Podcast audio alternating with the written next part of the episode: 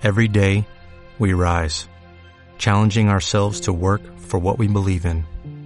At U.S. Border Patrol, protecting our borders is more than a job, it's a calling. Agents answer the call, working together to keep our country and communities safe. If you're ready for a new mission, join U.S. Border Patrol and go beyond. Learn more at cbp.gov/careers. No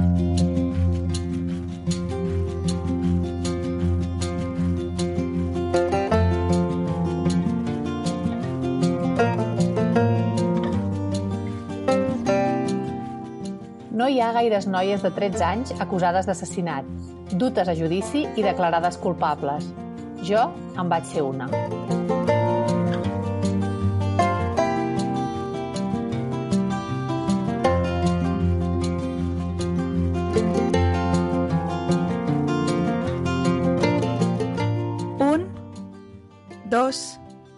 Tres.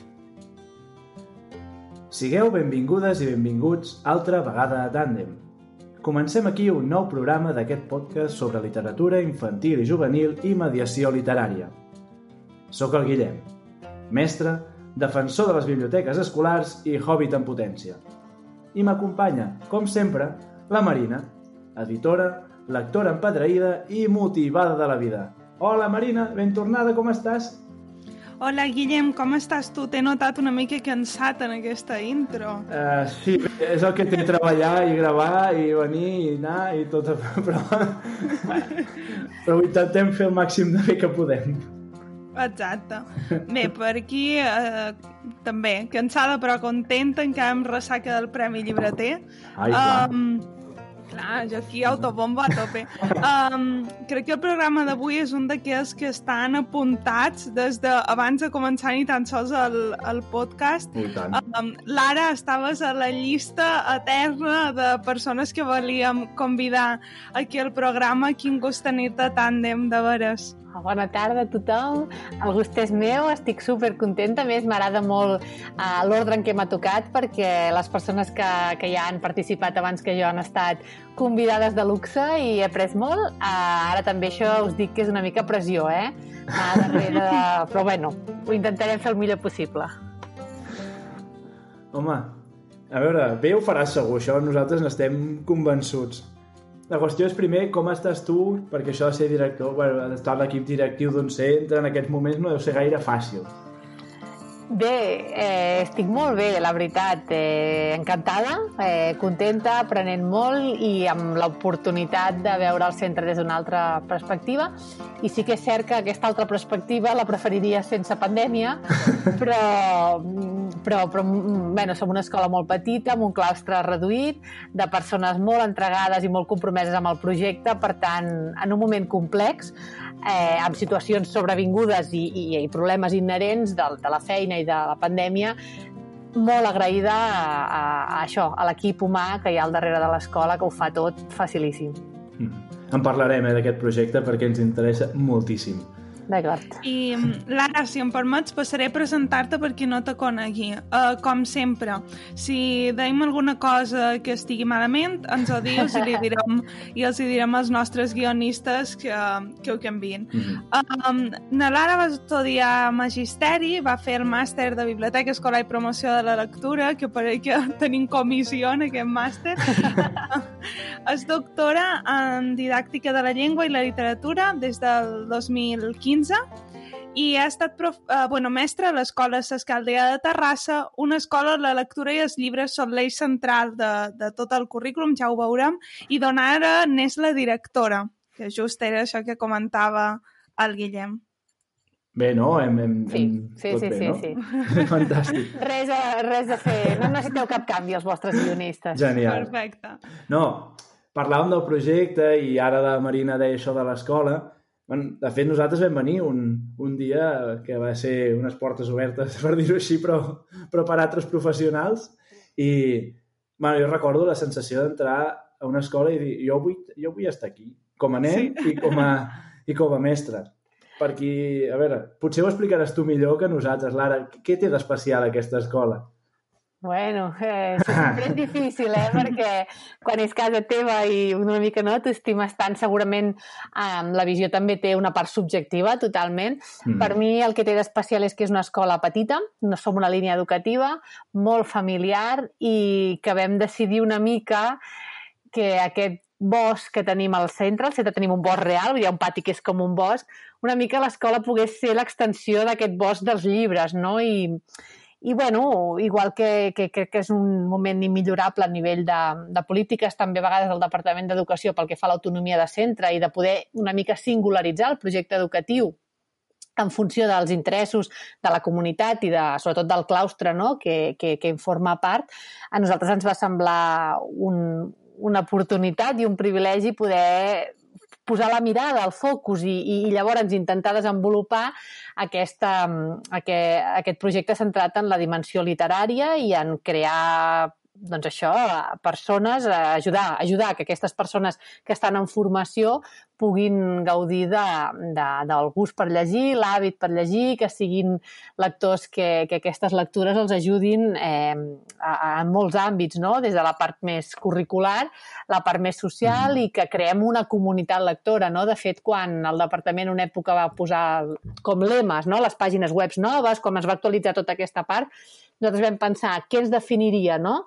Per, per, per una mica compartir què té d'especial. Mm. Doncs vam, vam donar-hi voltes i ens va semblar que, que una bona definició era som una comunitat lectora i lectora en el sentit més ampli de la paraula, tot i que amb especial èmfasi en tot aquest àmbit més literari, no?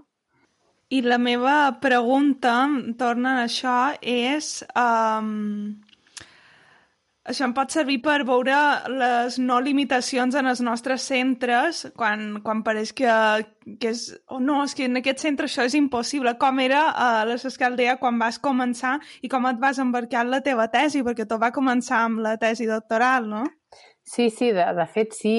De fet, avui és, és, un, és un dia especial per haver coincidit fent aquesta mm, entrevista perquè eh, amb el claustre que sempre anem fent formació continuada sobre literatura, per més que ha sigut ja un tema perquè sempre és important bueno, seguir llegint i seguir tenim un club de lectura. Llavors, com que les novetats editorials mm. que us haig de dir, els que us hi dediqueu al sector, eh, són àmplies, diria que massa, i no ens dona temps a llegir-ho tot, en aquest club que tenim doncs, discutim un cop al mes eh, llibres que, que, que solen ser novetats per anar-los incorporant incorporant les biblioteques d'aula, no? Doncs justament també incorporem articles i així, i aquests dies estem discutint un article eh, que, que em van demanar fa temps sobre una, una, retros, una mica de dir què, què ha passat al CESC Aldea, no? des d'aquells inicis fins ara, i gent que no estava al centre eh, comenta en aquest fòrum que hem obert que ha estat eh, bonic veure la trajectòria, perquè han pogut veure eh, el punt de partida i, per tant, han vist un projecte realista a poder fer en molts llocs, perquè Bàsicament, el punt de partida simplement és el que ens podem trobar a qualsevol escola en molts àmbits, no només en el literari. És a dir, una escola en què això no era un tema que s'hagués discutit, s'hagués pensat prou i una mica es recordia a, a dinàmiques més establertes o més encaminades a través d'alguns materials com en aquell moment els llibres de text, que ja, mm. ja tenien algunes lectures, que evidentment no en, no en el format doncs, eh, llibre, sinó en textos que sempre estan adaptats, per, o sigui, no en els, jo crec que en la seva forma original de, del llibre, no? sinó en, en, en petits doncs, diferents eh, tipologies de textos allà recopilades amb activitats i que, per tant, una mica aquesta sensació que ja es cobria amb, amb, amb aquestes propostes d'un editorial de llibre de text, tota aquesta part més de formació lectora, literària i que inclou, evidentment, altres aspectes, no? com els coneixements de la llengua i tot allò que demana el currículum. Per tant, amb la millor intenció, doncs funcionava des d'una perspectiva molt pragmàtica del, del que ja incluïa un llibre de text. I, i bé, el punt de partida simplement és que a mi em destinen aquí com a interina i, i em toca una tutoria i, i em va semblar que, que, que aquest llibre de text estava una mica allunyat del que l'alumnat podia fer autònomament, del que... Vaig veure algunes mancances i que em va semblar que la literatura era una, una finestra, una oportunitat de, de poder-nos apropar a aquestes mancances de manera més efectiva. No sé si millor, però en aquell cas més efectiva que seguint uns materials que, que, que ja teníem, no? perquè tenien dificultats per expressar-se molt en llengua catalana, d'escriptura, de, bueno, de conversa, de la pròpia dia, conversa sobre qualsevol tema. Eh? I vaig pensar, dic, home, doncs potser si, si portem llibres, si tenim com a costum llegir, parlar, discutir, també anirem millorant aquesta, bueno, la, la, la, la, conversa, augmentarem el vocabulari, això conduirà que escriurem millor, i aquestes mm aquest, una mica aquestes intuïcions, que era l'època que, que, que just havia acabat el màster biblioteca i que, per tant, ja estaven una mica fundades en, en, en coses que havia llegit, en articles, i de més em va, em, bueno, em, em va impulsar a voler-ne saber més. És a dir, això que jo estic llegint, que començo a posar en pràctica, realment funciona, o sigui, realment condueix a uns nanos que, que tenen una capacitat d'argumentar i, i, per tant, sobretot anar una comprensió cada vegada més inferencial que es pugui transferir a qualsevol eh, àmbit no? de, de, del currículum de la vida, vull dir, de qualsevol lectura, no només una lectura literària en el context escolar, no? Mm -hmm. sinó tot això que, que jo intueixo que passa, passa, i aquest preguntar-me si passa és el que em va anar animant a encaminar cap a una recerca més formal, no? Perquè a vegades a l'escola jo penso que tots els mestres fem petites recerques perquè observem què passa, documentem, ho contrastem amb alguna prova objectiva, vull dir, que sí que anem fent la nostra... Jo crec que la recerca educativa parteix, a vegades aquestes més grans, de petites recerques que sempre anem fent els docents les, i les docents a les aules. Per tant, una mica la idea va ser aquesta i sobretot, o sigui, amb un grup molt concret i molt emblemàtic, les talpetes, i sobretot veure que, que els companys i companyes els hi passava una mica aquesta sensació que vam poder anar extenent i, i, i, compartint perquè, com avui comentàvem en aquest fòrum, dèiem, és que a vegades no, no ho fem més ni millor perquè no en sabem, no perquè no vulguem, no? que a vegades pot haver aquesta sensació de ai, clar, és que els mestres tenen tantes coses i les mestres que ja no volen... No, no és, a vegades és que no en saps o, o no és una cosa que en la formació inicial o com a mínim quan jo vaig estudiar, um, fos important o fos una cosa que, que tothom havíem no, sortit mm -hmm. molt preparats per fer-ho, per tant, i preparades. Per tant, en el meu cas va ser com, doncs formem-nos, eh, compartim-ho i si tots veiem clar que hem de millorar aquest àmbit perquè pot tenir repercussions en, en tota la seva vessant més acadèmica, social, personal i familiar i crear una comunitat més lletrada, doncs val la pena. Per tant, vam començar molt a poc a poc, molt a poc a poc, perquè clar, el corpus és que clar, comences, és allò de com no sé com ara expressar-ho, però vull dir que comences a tocar una cosa com quan arregles a vegades alguna cosa, comences a endreçar casa teva, que comences pensant, no, no, només toco això, i acabes una mica endreçant-ho tot, no? I, i reordenant-ho tot. Doncs allà era, anem a veure quines activitats, però clar, les activitats et porten a pensar, vale, i amb quin corpus? I el corpus et porta a pensar, vale, però aquest corpus de tercer ha tenir en compte una trajectòria, és a dir, hem de pensar en un mm. infant que passa 9 anys en el centre, quin recorregut li oferirem. Per tant, eh, no ens hem de repetir, o, o si ens hem de repetir, hem de saber molt bé per què repetim aquesta lectura o aquest tipus de llibres a P5 i a tercer. Ah, perquè aquí és un projecte i això és una lectura en veu alta que dona bases de, no, de la tradició oral. Doncs, és a dir, que tot, tot aquest engranatge que semblava més fàcil de dir, bueno, no, a vegades quan he anat a fer formacions, no, però si nosaltres ja llegim, ja tenim una biblioteca. Pot haver-hi una biblioteca i poden haver bons llibres. En el cas del Cesc Calder no era el cas, però pot haver-hi, però i que els estem mobilitzant, que sabem a quins objectius respon aquesta mobilització i estem segurs que aquests objectius no formin part només de l'àmbit del gust per llegir i també formin part d'aquest àmbit no? doncs, per exemple, d'estendre-ho a la recepció més familiar, de crear comunitat o a la part més d'argumentació. O, o sigui, estem veient que tot això que fem respongui a, un, a una mirada global i no només centrada en un dels àmbits no? de, de, de, relacionats amb el, amb el, amb l'aprenentatge, amb, la, amb el lector literari i tot això, doncs és una mica que és difícil, perquè més, com més, més, més vas més vas profunditzant, més interrogants surten. Clar. I, més, I, per exemple, no, quan portàvem un temps dèiem, clar, i tota la part més també d'expressió oral, clar, ells parlen, però no és el mateix una conversa que preparar-se un text per llegir en veu alta. I això com ho podríem fer? I llavors apareix el faristol de l'elegància, per exemple, o amb les famílies, no? que sempre li hem anat donant voltes i un cop ja havíem aconseguit una implicació en una cosa, dèiem, clar, però ara ens encantaria que les famílies també poguéssim compartir discursos i allò que passa entre nens i nenes i mestres de comentar lectures, que també pogués mm. passar amb pares i mares quan venen a buscar els nens i nenes, no? doncs ens vam animar fa tres anys a crear un club de lectura en famílies. I això, que ara semblen moltes coses, s'han de veure amb la perspectiva de 10 anys. Clar, no? Vull dir que, que mm. m'emociona quan si penso i parlo del Club de Lectura en Famílies, que és una de les últimes coses que hem fet com a projecte de centre, però això ha arribat després de 7 o 8 anys de reflexió i de refer i de pensar que coses que fèiem no acabaven de funcionar i que les havíem d'enfocar d'una altra manera. Clar, que és molt fàcil veure ja el resultat vostre i dir, ja està, això ho volem aconseguir d'un dia per l'altre, tenir aquestes biblioteques d'aula amb aquesta selecció brutal, la quantitat de llibres, però bueno, és una feina que es va allargant en el temps. Hmm. Sí, i, i, i això també ho hem vist altres, ara que, per exemple, nosaltres amb, amb l'àmbit més literari doncs ens sentim potser més segures o més una mica amb les bases més clares de què fem i per què ho fem. Quan hem obert altres àmbits, que també això ens faltava molt, va ser com una reflexió molt de fa un parell d'anys, de dir, aquesta part creiem que, que, que, que l'estem fent, que té un sentit, que li seguim trobant un, uns motius per fer-la i per seguir-la millorant, discutint, però ja, ja forma part una mica dels, dels pilars, no? dels fonaments del projecte. Però, i aquesta part més, no sé, no? de l'autonomia de l'alumnat, de com s'aprèn, i, i, i, i si mirem també quines metodologies estem fent servir en altres àmbits que poden, poden conviure, evidentment, no? amb, tota la, amb tota i amb tot el, el pes del projecte literari.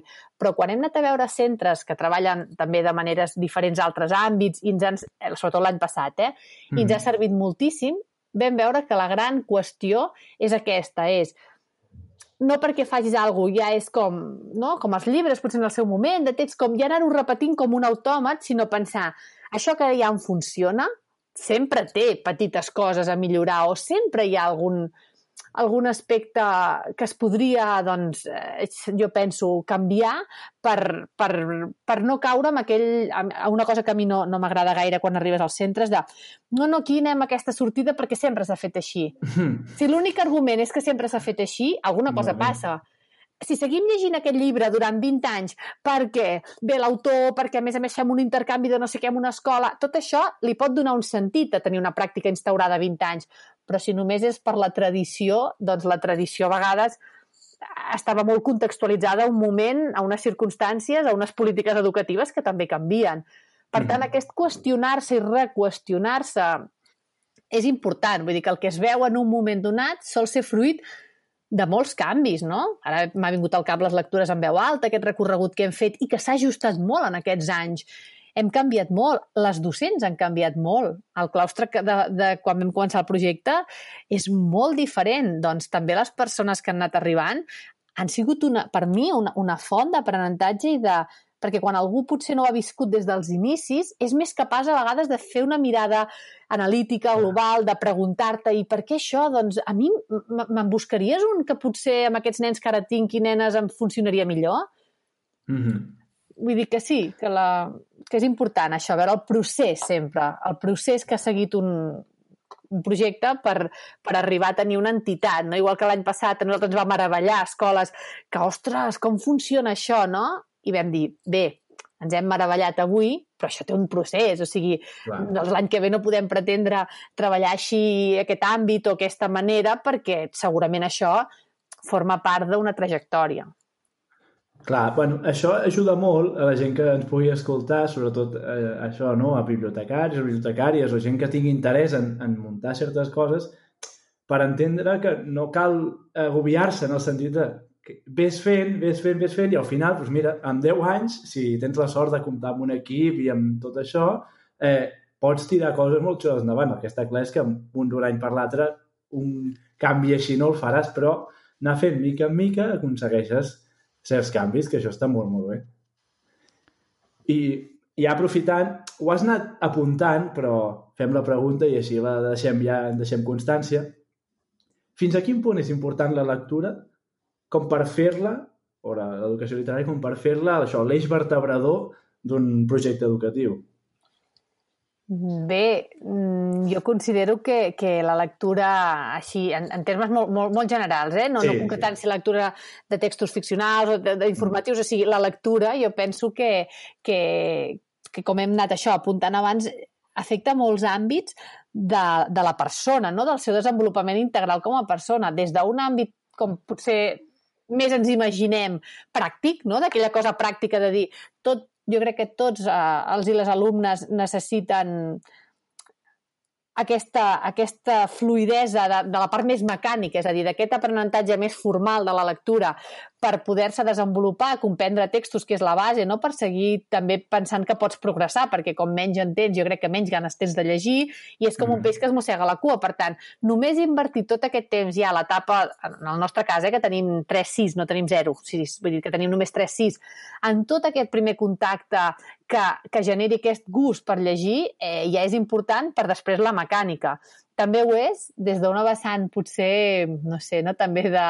Segurament la Marina això ens ho explicaria millor que jo, uh, d'aquests lectors que al final, quan som, jo crec, més adults, són empadreïts perquè realment mm, aconseguir que la lectura formi part de la teva manera d'entendre el món i t'ajudi a entendre el món jo crec que és una cosa que no podem ensenyar, crec que no, no et sabria dir com la, com la transmetem, però que els propis llibres i els propis textos seleccionats des d'una perspectiva de diversitat, però sempre des de la qualitat de tots aquells elements que composen una obra, sí que fa persones més sensibles cap, a, cap, al, cap al món que els hi ha tocat viure i cap a altres mons que no els hi ha tocat viure, però que els han pogut viure amb la literatura. Ja sé que és una idea potser una mica romàntica de viure altres vides i tal, però és que jo penso que això ha passat. Eh, eh, jo ara, com us deia, no? fa un parell d'anys potser que tinc una visió més de centre, més global, més d'ajudar a impulsar-ho des d'una... Però, però vaja, que són 10 anys de tutora en els quals tants grups com he tingut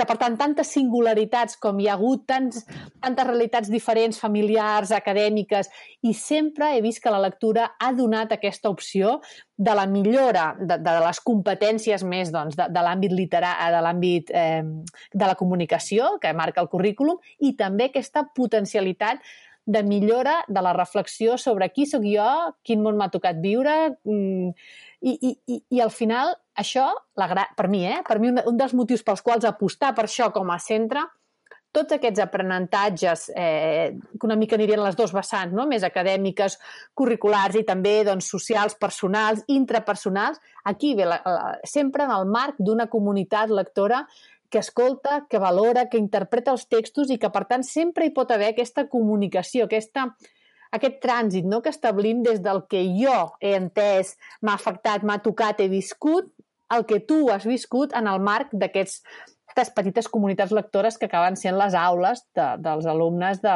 de l'escola, no? I aquest espai privilegiat de tertúlia setmanal, que li diem la tertúlia literària, no?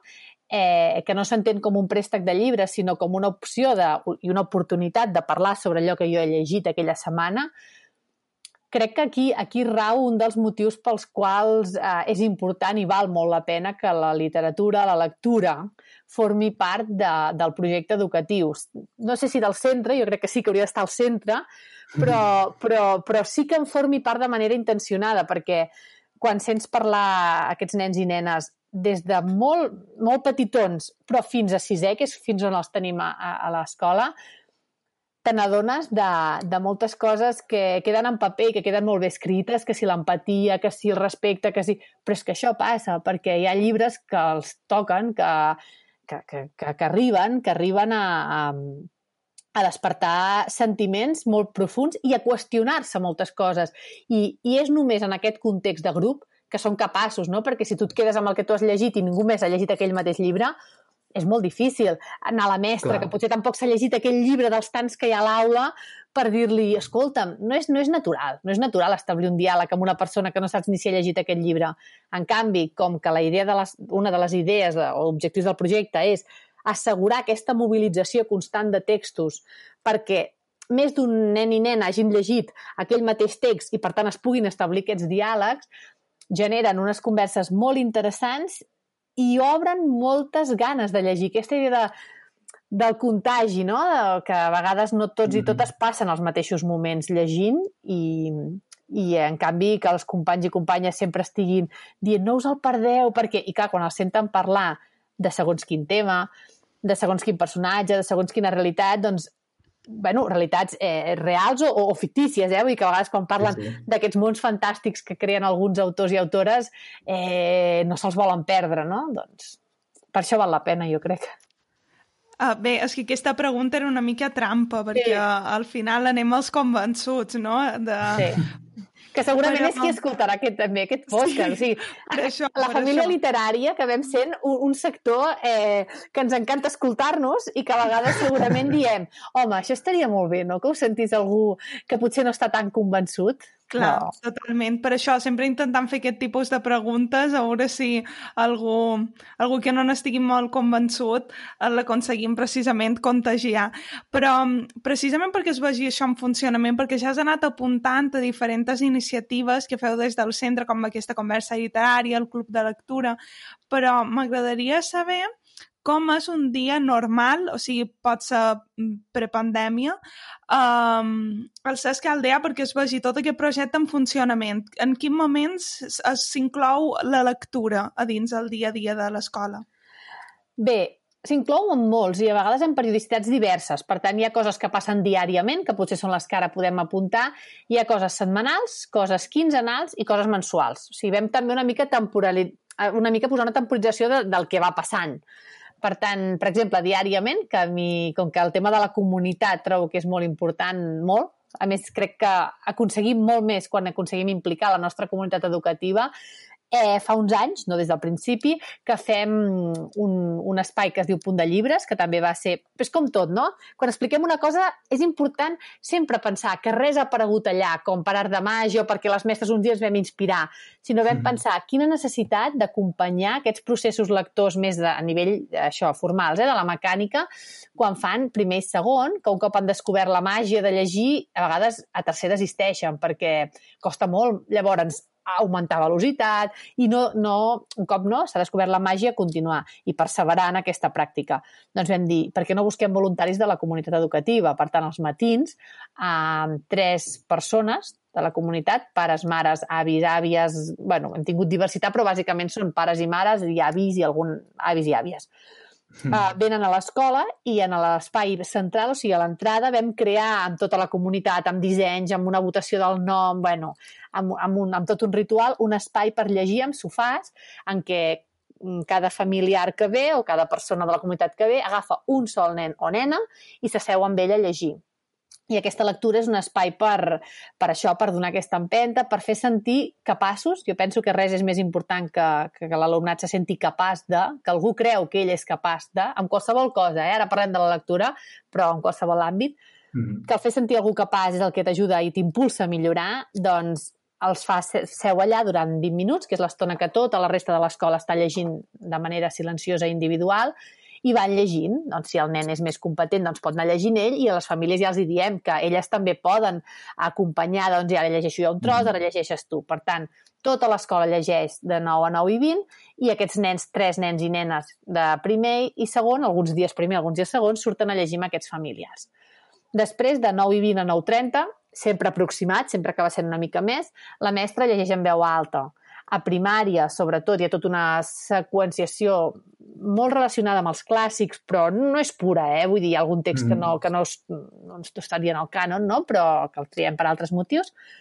I solen ser lectures de capítols, que per tant van, van evolucionant, a primer i segon una mica diferent, però sí que és una lectura en veu alta molt pensada per un trajecte des de primer fins a sisè, i a infantil eh, no cada dia canvien, perquè a vegades trien un, un llibre a la setmana que et buscaran un moment, no sempre després d'aquest moment més silenciós, però sí que un moment al dia també la mestra farà aquesta lectura en veu alta mm, amb propòsits diferents i a vegades el mateix llibre més d'una vegada i que és el llibre de la setmana o un llibre per recordar de manera més intensiva a infantil. Mm -hmm. Això passa als matins, a tothom. Um, llavors, eh, també passa, ara ja anem coses que passen més diàriament o setmanalment, a tot l'alumnat de primària, sobretot, té un projecte literari que va seguint, que el vam dissenyar i que se singularitza en funció de l'alumnat d'aquell grup d'aquell any. No? Per exemple, primer fan un museu de personatges, que és molt bonic per, per una mica aproximar-nos al text descriptiu. Mm. I, clar, que hi ha hagut museus, va haver un museu de monstres, de robots, de bruixes, de ratolins... Vull dir que a vegades el projecte una mica està definit a nivell de, de, de continguts, objectius eh, i la metodologia que es farà servir, però molt sovint el corpus, per exemple, el de primer, sobretot el corpus cada any canvia en funció de, de què és el museu. Clar. A segon hi ha un tema d'un recital de poesia, per exemple, el projecte literari de cada grup vam pensar que pogués estar molt lligat a tota la part curricular del funcionament, l'ús i funcionament de la llengua, tota aquesta part eh, eh, que els textos, doncs, escriure textos ens permet reflexionar i tenir aquesta consciència eh, metalingüística i també de les diferents doncs, gèneres o textuals per poder-ho anar abordant, amb, perquè no sempre doncs, treballem el text descriptiu, no? amb els projectes literaris. Per exemple, hi ha això, el recital de poesia, hi ha els contes populars, històries de detectius, hi ha també a, a, a la narració, a la creació d'un mm. conte, quan són més grans. bueno, doncs, doncs és una mica veure aquests projectes literaris, que això, clar, passa un parell de cops la setmana, quan, quan fan projecte literari, i un cop a la setmana fan la tertúlia literària. Després també mm, passen, ah sí, tots els nens i nenes de l'escola, des d'infantil fins a sisè, bueno, en moments diferents i amb, és que clar, és, molt diferent. Hem anat, és, clar. és, és difícil explicar-ho tot junt, però a infantil, per exemple, fan el protagonista lector, que té a veure amb el contacte amb la biblioteca, que en el nostre cas no n'hi ha, és una lluita llarga que seguirem mantenint, però sí que vam aconseguir un bibliopunt, que forma part de la xarxa, per tant, han d'anar a buscar un llibre al bibliopunt, l'expliquen, i hi ha com tota una part també de l'ús d'aquest, això, vincular-nos amb, amb, amb l'entorn, no?, i amb, mm -hmm. amb tots els serveis. Llavors hi ha aquests i els de primer i segon fan el protagonista lector amb llibres de l'aula i amb una producció escrita o artística també diferent, i amb els grans és a la tertúlia literària, que molt sovint també fem els recomanats de la setmana, en què també trien aquesta idea que sem a la setmana hi solen haver un, a infantil un, i a primària dos o tres nens i nenes que a vegades tenen com un rol més de destacar alguna lectura, de parlar-ne, de recomanar-la. Els petits amb el través del lector convidat, els més grans a través de recomanacions que a la final de l'etapa educativa mm, hem, hi ha hagut èpoques que hem fet vídeos recomanacions i hem anat tenint aquests uh, arxius més audiovisuals i s'ho han preparat i els hem gravat. bueno, hem anat eh, veient com podien tenir aquests moments. També sol passar tota aquesta part més de lectura en veu, en veu alta per part de l'alumnat, a través dels faristols, de recitals, a vegades molt lligats a les àrees, quan fem projecte literari, a vegades a la tertúlia, això també depèn una mica de cada, de cada mestre que més, un cop al mes tenim el nostre club de lectura amb famílies, que mm. és meravellós.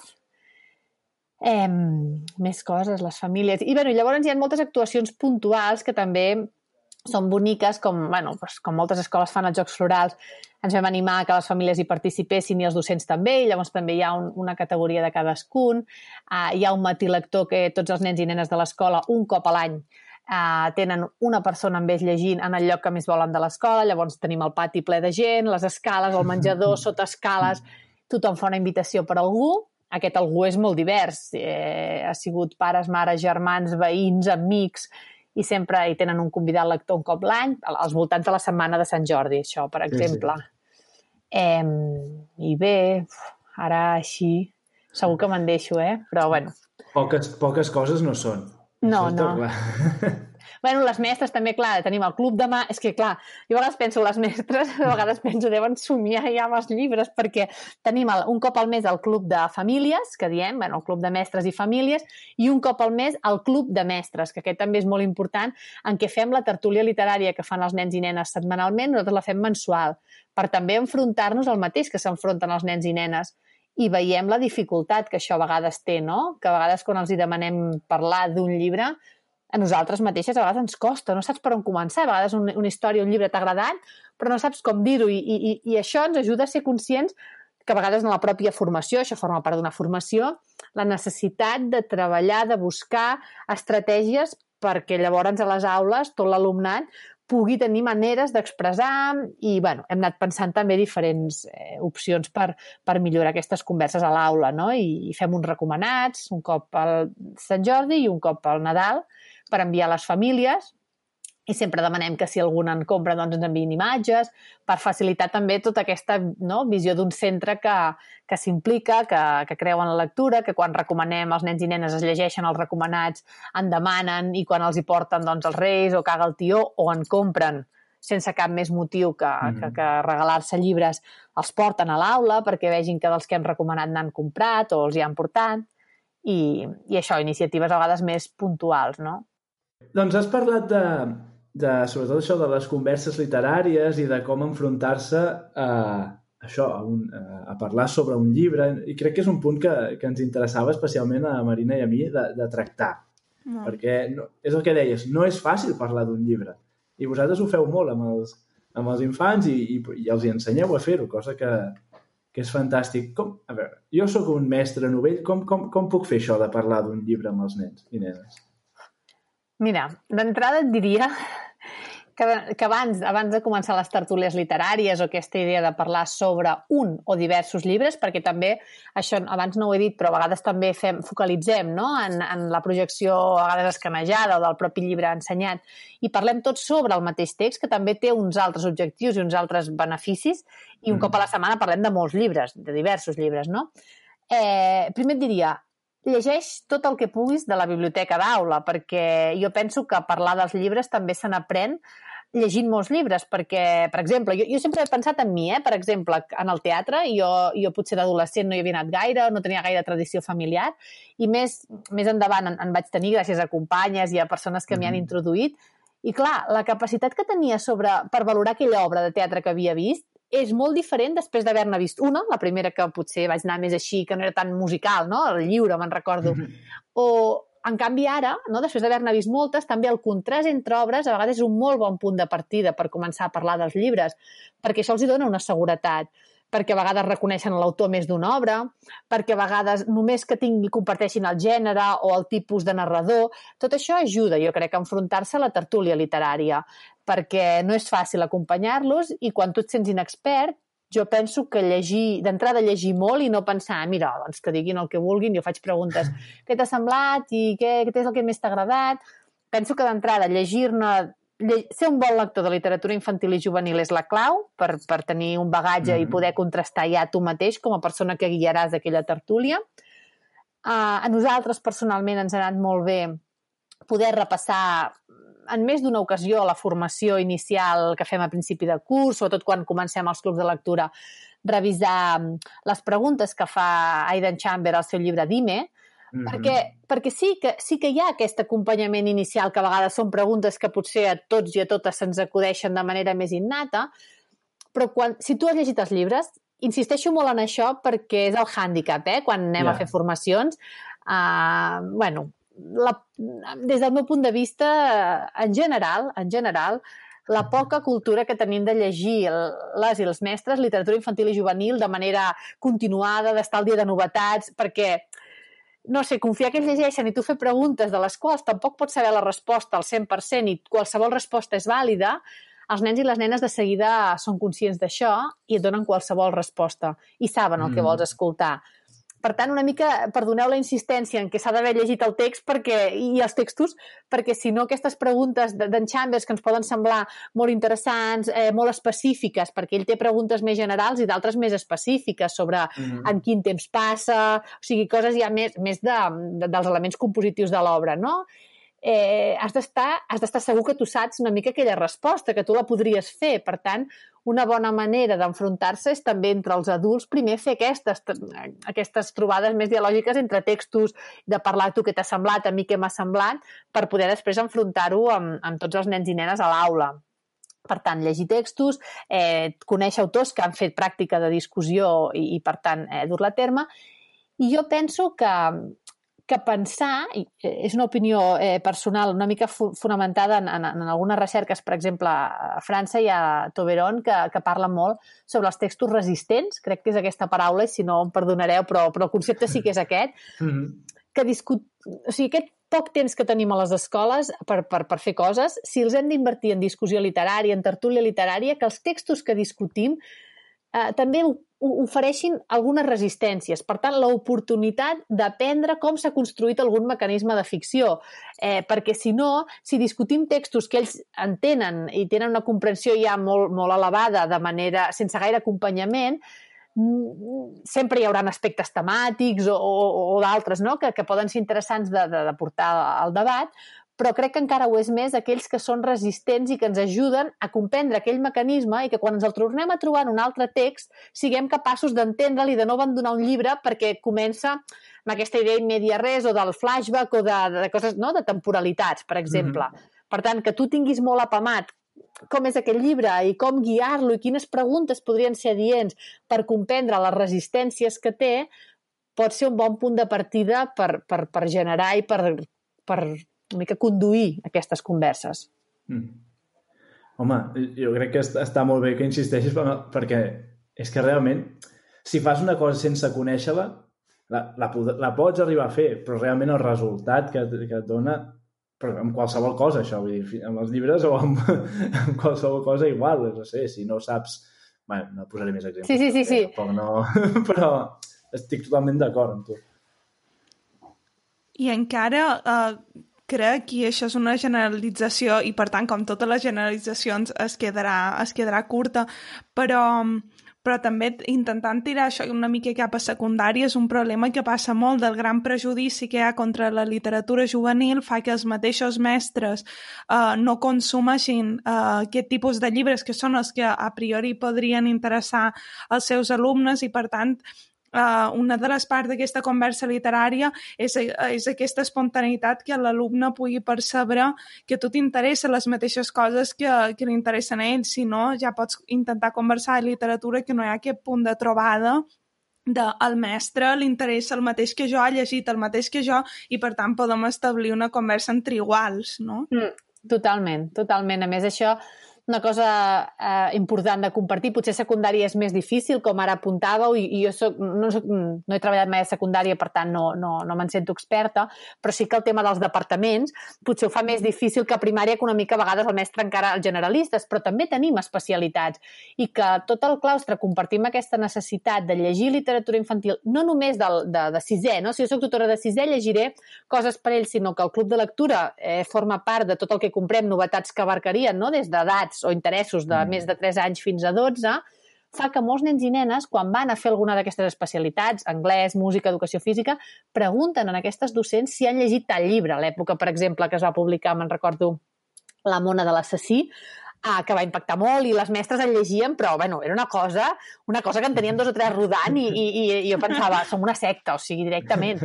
I l'has acabat i no sé, ens ha passat amb molts, eh? també doncs, la Tània Claravall o, o altres d'altres editorials i d'altres autors i autores. Però, però sí que els encantava. Jo recordo la mirada el dia que el mestre d'Educació Física també els hi va dir que ell se l'estava acabant, alguns nens, doncs no et faré spoiler. Clar, o sigui, la literatura jo crec que, que ha quedat, no?, entre el que vosaltres i hem anat dient, hi ha una part molt afectiva, molt vivencial, ara deia la Marina, no?, doncs que això sigui compartit per tothom i no per la mestra deixeu-me també generalitzar i fer una mica de broma, eh? Friki de la biblioteca mm. o que li agrada llegir, um, no? que ens agradi llegir és una cosa de centre, no? I per tant és una, a qualsevol mestre que trobin, doncs potser no ens agrada llegir el mateix, ni amb la mateixa intensitat, ni som igual com a lectors, però crec que, i lectores, però crec que les mestres del Cesc Caldea podem dir que totes som lectores en, i, i, els, i els lectors i les lectores som lectors en formació. Crec que ningú serà el mateix lector que serà d'aquí 10 anys, a millor o a pitjor, perquè a vegades la vida ens passa èpoques que, que deixem a vegades coses, hàbits, i, i llavors els reprenem, eh?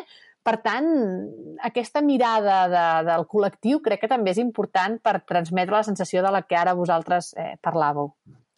Sí, de fet, jo quan feia el màster de biblioteca escolar i així, un, un, de fet el meu treball de final de màster tractava sobre aquesta, sobre la necessitat aquesta de, d'agrupar i de fer que aquest projecte sigui el de... Jo parlar només de biblioteca escolar, però crec que és transferible a qualsevol moment, no? De necessitat de comunitat, d'empènyer tots cap al mateix lloc i això, parlo amb l'educació física, parlo amb la de música, parlo amb el no sé què, parlo amb no sé qui, i tothom llegeix i tu, del que sigui, però tothom està envoltant, no? Al final, viure en un món en què es llegeix et fa llegir, no? És una mica així. Clar.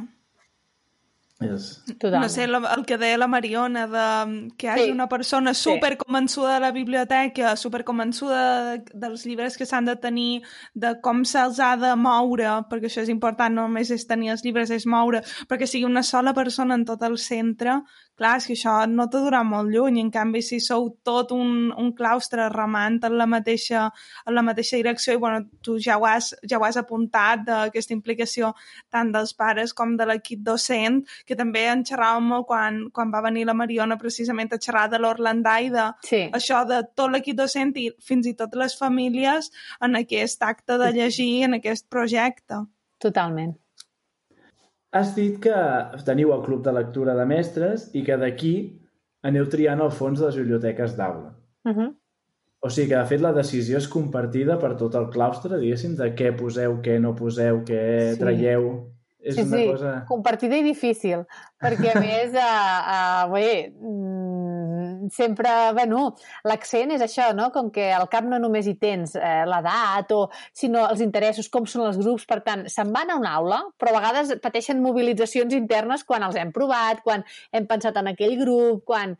I sí, sí, després de discutir-los bastant, els decidim recomanar una franja, que sovint no és un curs. Eh? A vegades sí que hem fet cursos, a vegades hem fet més d'etapes, eh, infantil, cicles, ara fem més comunitats. Vull dir, ens hem, això, hem anat variant, però sí que aquesta recomanació de cap a quin, a, a, a quin curs acabaran formant part de la biblioteca d'aula és compartit i, i, i col·legiat i per tant és, és, és magnífic perquè a vegades eh, és molt difícil però com que totes més o menys hem llegit gairebé tots els textos, doncs és, és fàcil compartir criteris. Mm. I bé, una cosa que sempre dic, que, que llavors penso, eh, qui m'hagi escoltat pensarà que pesada, sempre acaba dient el mateix, i la llibreria la llibreria.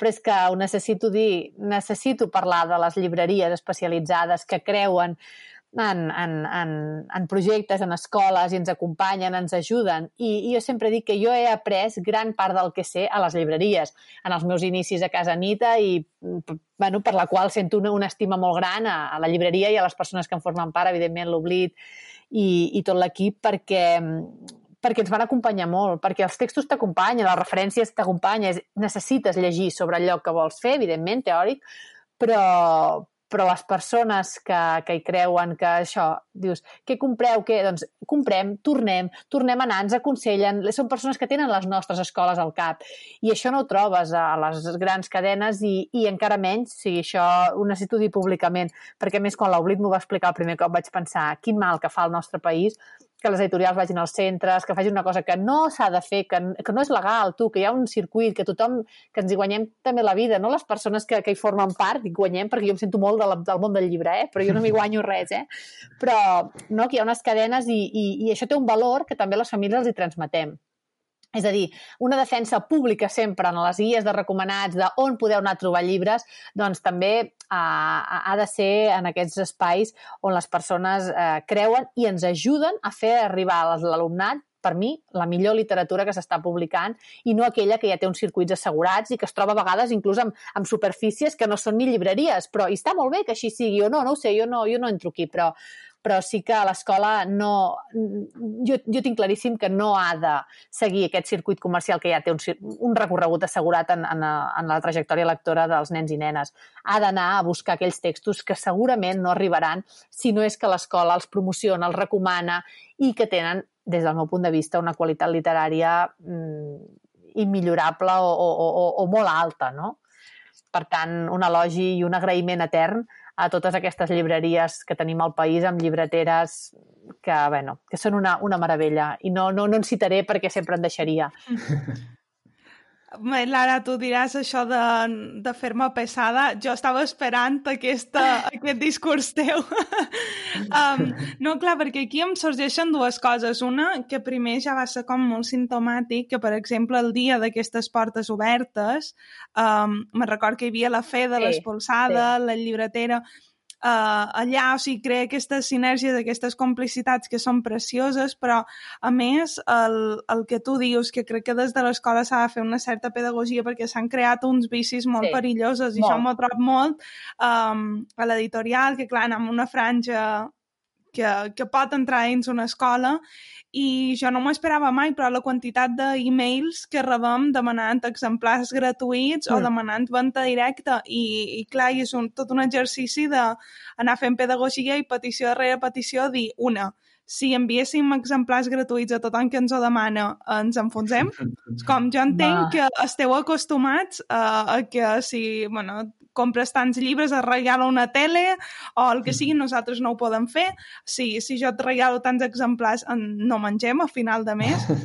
Però, però això de dir, aneu a les llibreries, no compreu directament, és que hi guanyam tots anant a la llibreria. I passen coses que jo, com que crec molt que l'emoció és, la, és el motor de moltes coses, també de l'educació, no? l'emoció que tu sents d'aprendre, de compartir, que aquesta emoció et mou.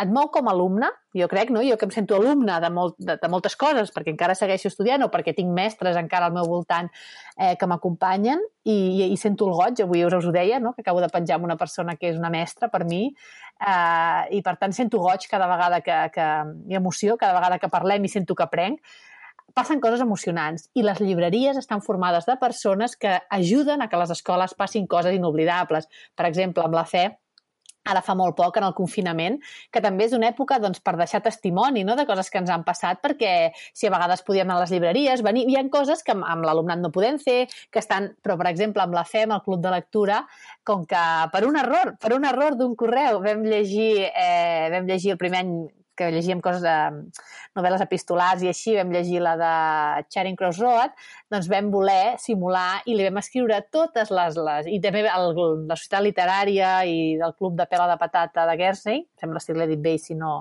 uh, alguna així és, uh, vam voler uh, enviar-li a la fe en un moment en què creiem que ens necessitaven també més que mai, ens necessitàvem mútuament, eh?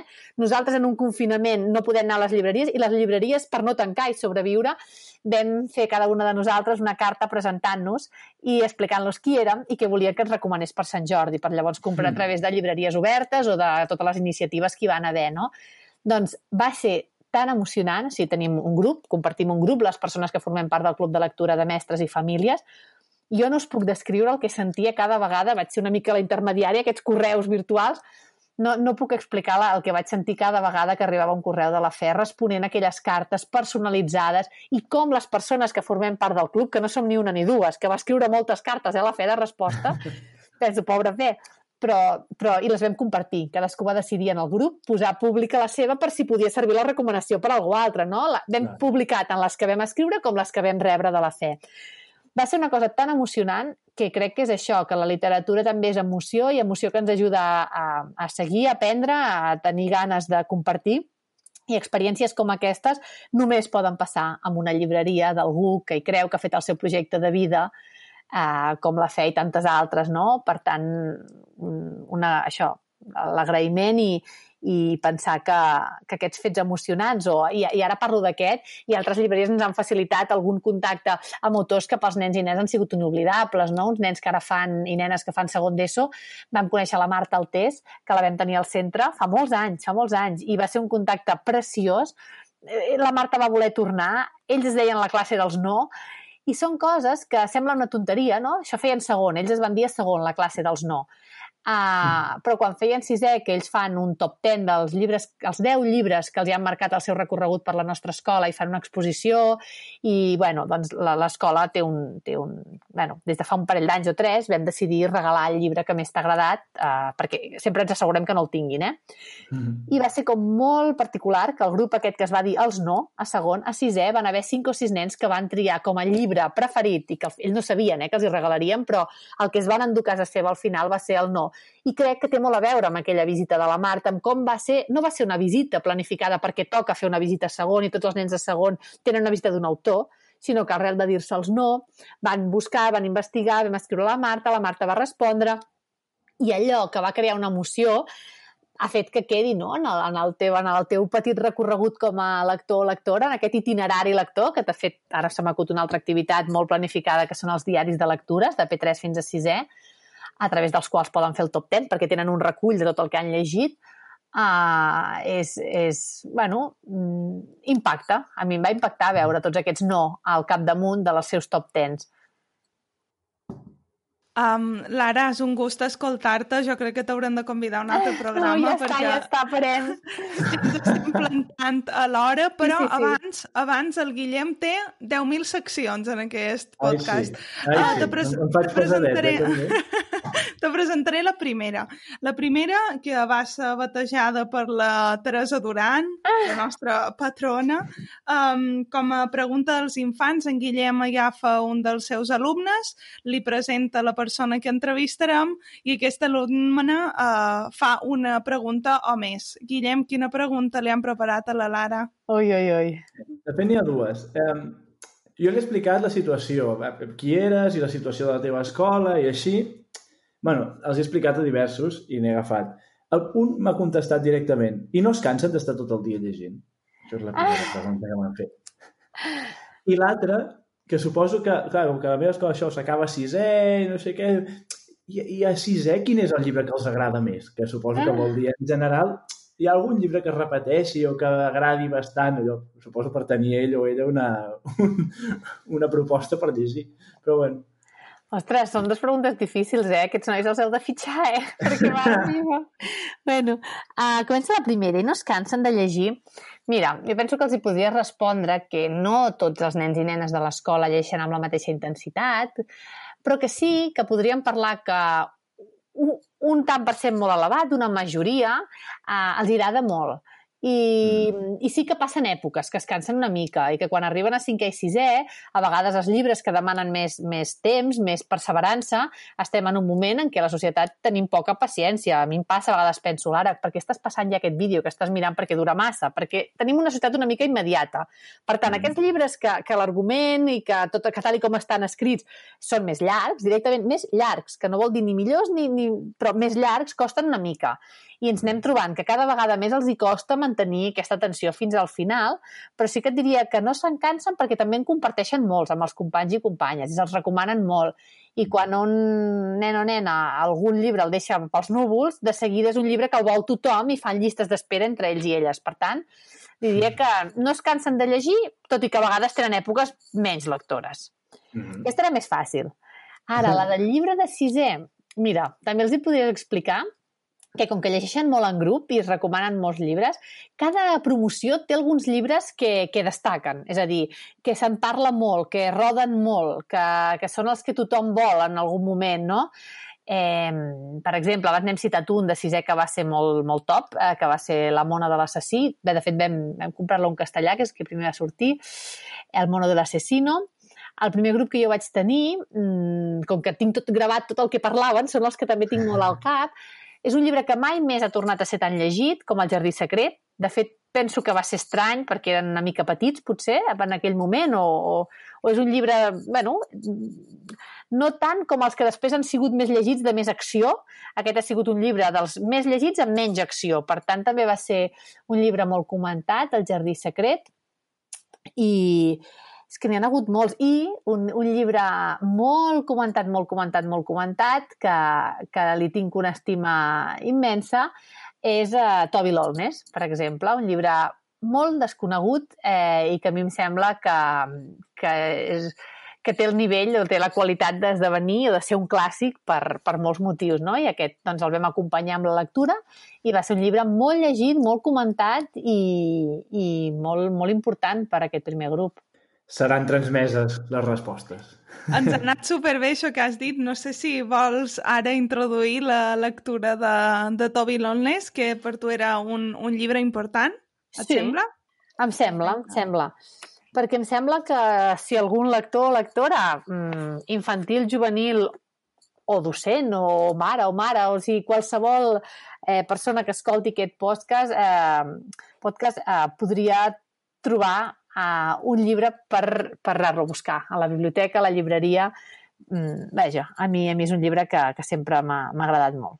Mireu, és l'inici, és l'inici de, del llibre Toby Lolnes, de l'autor francès Timothée de Fontbel, que diu en Toby feia un mil·límetre i mig. Per l'edat que tenia, no era alt. Del forat de l'escorça només en sortia la punta dels peus. No es bellugava gens. La nit l'havia cobert com una galleda d'aigua. En Toby mirava el cel esquitxat d'estrelles. No havia vist mai cap nit més negra o més brillant que la que apareixia per vessals entre les enormes fulles rogenques. Quan la lluna no hi és, les estrelles ballen. Vet aquí el que es deia. També es repetia. Si hi ha cap cel al paradís, és menys profund. Menys emocionant, sí. Menys emocionant. En Toby es calmava pensant tot això. Estava estirat amb el cap sota la molsa, els cabells a prop de les orelles i notava el fred de les llàgrimes. En Toby era en un forat d'escorça negra, amb una cama malferida, talls a les espatlles i els cabells empastifats de sang. Les mans li bullien del foc de les espines i ja no notava la resta del cos, adormit de dolor i fatiga. La seva vida s'havia aturat unes hores abans i es preguntava què hi feia allà. Se'n recordava que sempre que li deien això, quan ficava el nas per tot arreu, «Què hi fas aquí, Toby?» I avui s'ho repetia ell mateix en veu baixa. «Què hi fas aquí?» Però estava ben viu. conscient de la seva desgràcia més grossa que el cel. Mare meva. Bé, eh, va ser... Mira, va ser una...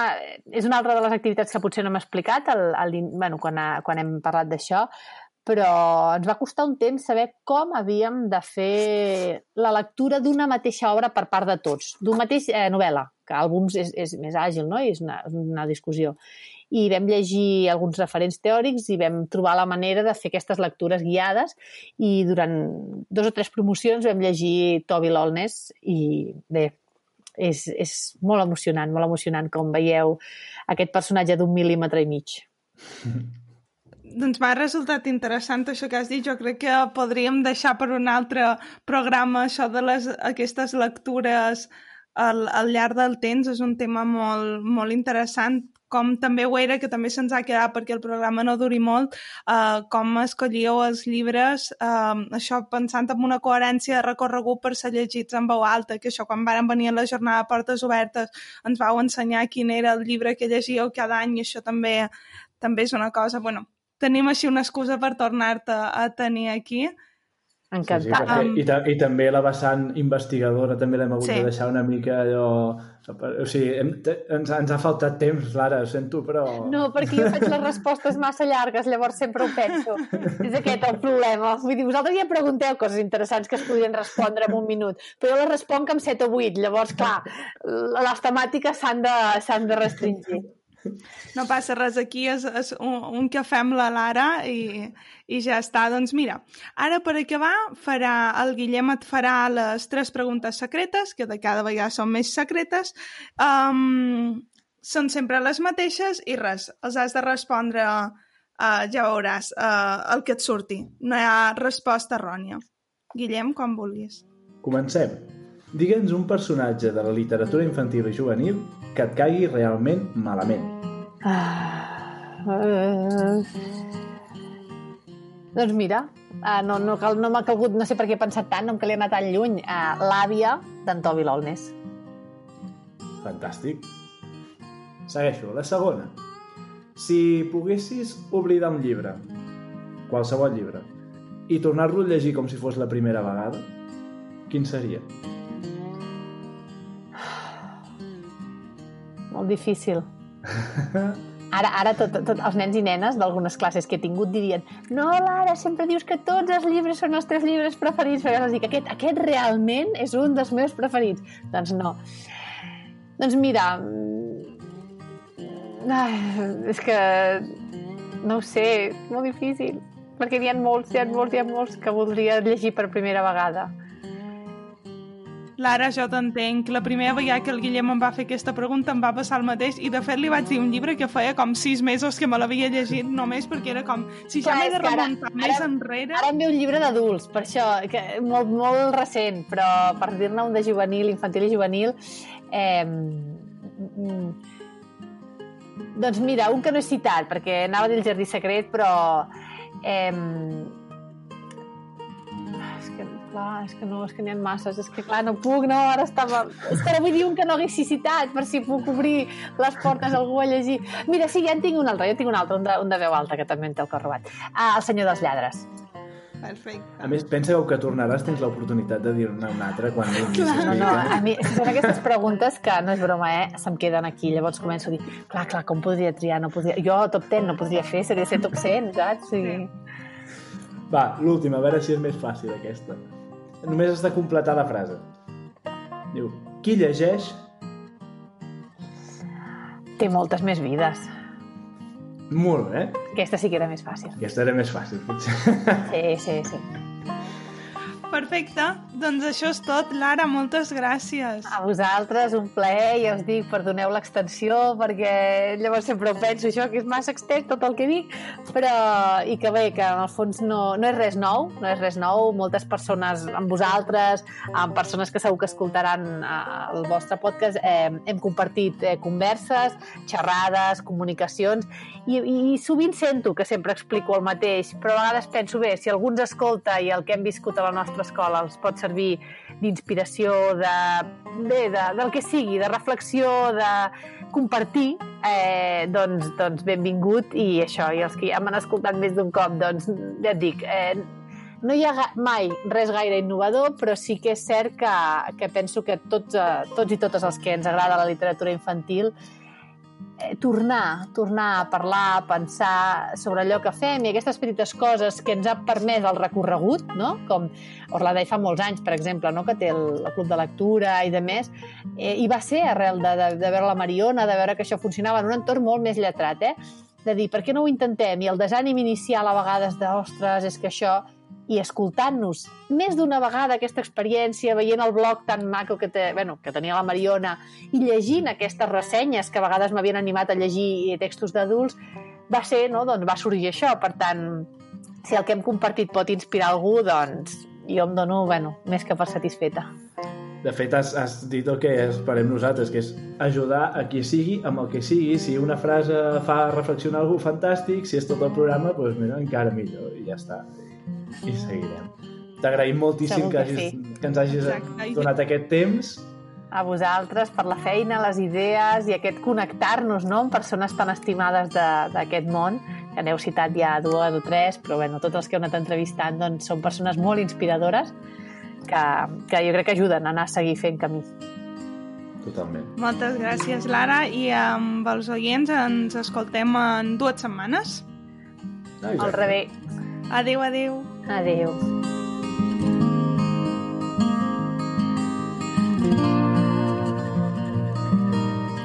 I fins aquí el programa d'avui. Però recorda que tens totes les notes d'aquest podcast amb els llibres citats i tota la informació del que hem parlat avui a lletraferits.cat, a l'apartat de podcast. Ens trobaràs també a Instagram i a Twitter com Tandem League i ja sabeu que ens encanta conversar. I si el programa se't queda curt, et pots subscriure a la newsletter. Cada mes rebràs una carta amb més recomanacions i contingut relacionat amb la mediació literària i la Lix. Som na Marina Llompart i en Guillem Fargas, i si t'ha agradat aquest episodi, recomana'l o subscriu-te. També ens pot deixar un comentari o fins i tot una valoració. Gràcies a totes les persones que ens feu arribar una miqueta més lluny.